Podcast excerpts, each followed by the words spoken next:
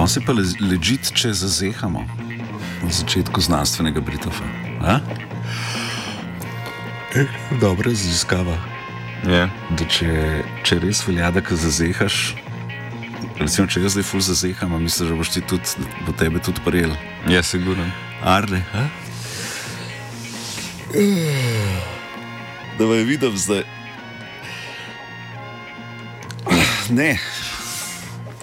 Mogoče bo spal sred drugega odstavka za zeho. No, daj. No, dajmo. No.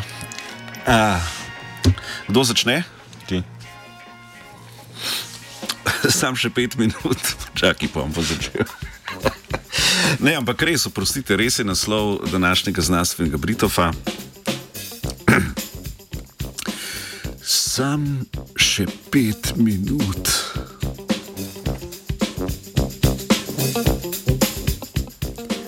Švedsko-avstralska raziskovalna skupina je proučila vpliv uporabe dremeža budilke na kakovost spanca, počutje in kognitivne sposobnosti po prebujanju. Svoje izsledke je objavila v reviji Journal of Sleep Research.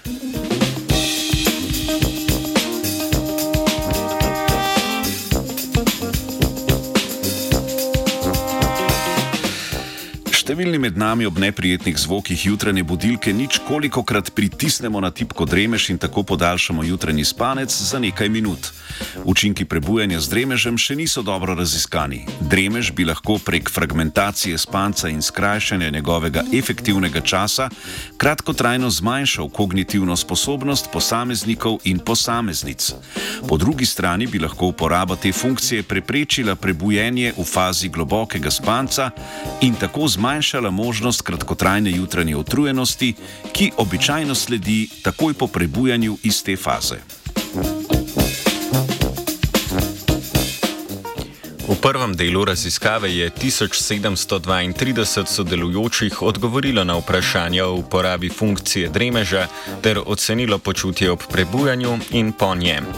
69 odstotkov anketirancev je poročalo, da včasih uporabijo dremež budilke. Povezave med uporabo dremeža in samo ocenjeno kakovostjo spanca v anketi niso opazili. So pa ljudje, ki uporabljajo dremež, pogosteje poročali o zaspanosti ob prebujanju.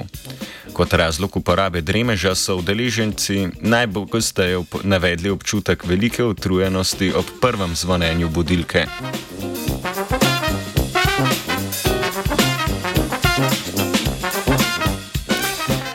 Drugem delu raziskave je znanstvena ekipa zbrala 31 posameznikov in posameznic, ki so dremež običajno uporabljali vsaj dvakrat na teden.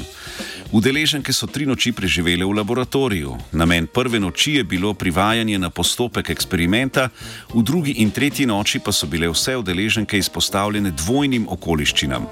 Enkrat so se prebudile brez dremeža, drugič pa je budilka najprej zazvonila 30 minut pred končnim ustajanjem, udeleženke pa so jo lahko dvakrat za 10 minut izklopile z dremežem. Tekom noči so spanec udeleženk spremljali z merjenjem možganske aktivnosti, srčnega ritma in gibanja oči. Takoj po končanem prebujenju so udeleženci opravili prvi test z miselnimi nalogami, drugi pa je sledil 40 minut pozneje.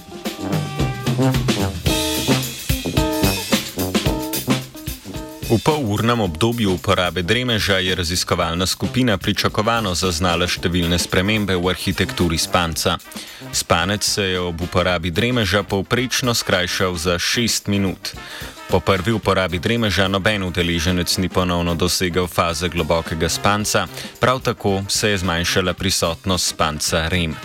Na kognitivnih testih, opravljenih takoj po prebujenju, so se udeleženci povprečno bolje odrezali po uporabi dremeža. Razlika med pogojema je po 40 minutah izginila. Rezultati kažejo, da lahko z dremežem preprečimo prebujanje iz faze globokega spanca in s tem močno jutranjo zaspanost.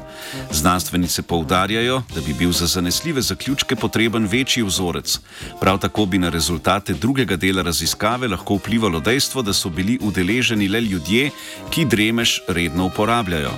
Pri njih bi lahko bili pozitivni učinki bolj izraziti, saj gre večinoma za večerne kronotipe, ki so nagnjeni k poznejši uri spanca in ustajanja, ter bi se brez uporabe dremeža pogosteje zbudili v fazi globokega spanca.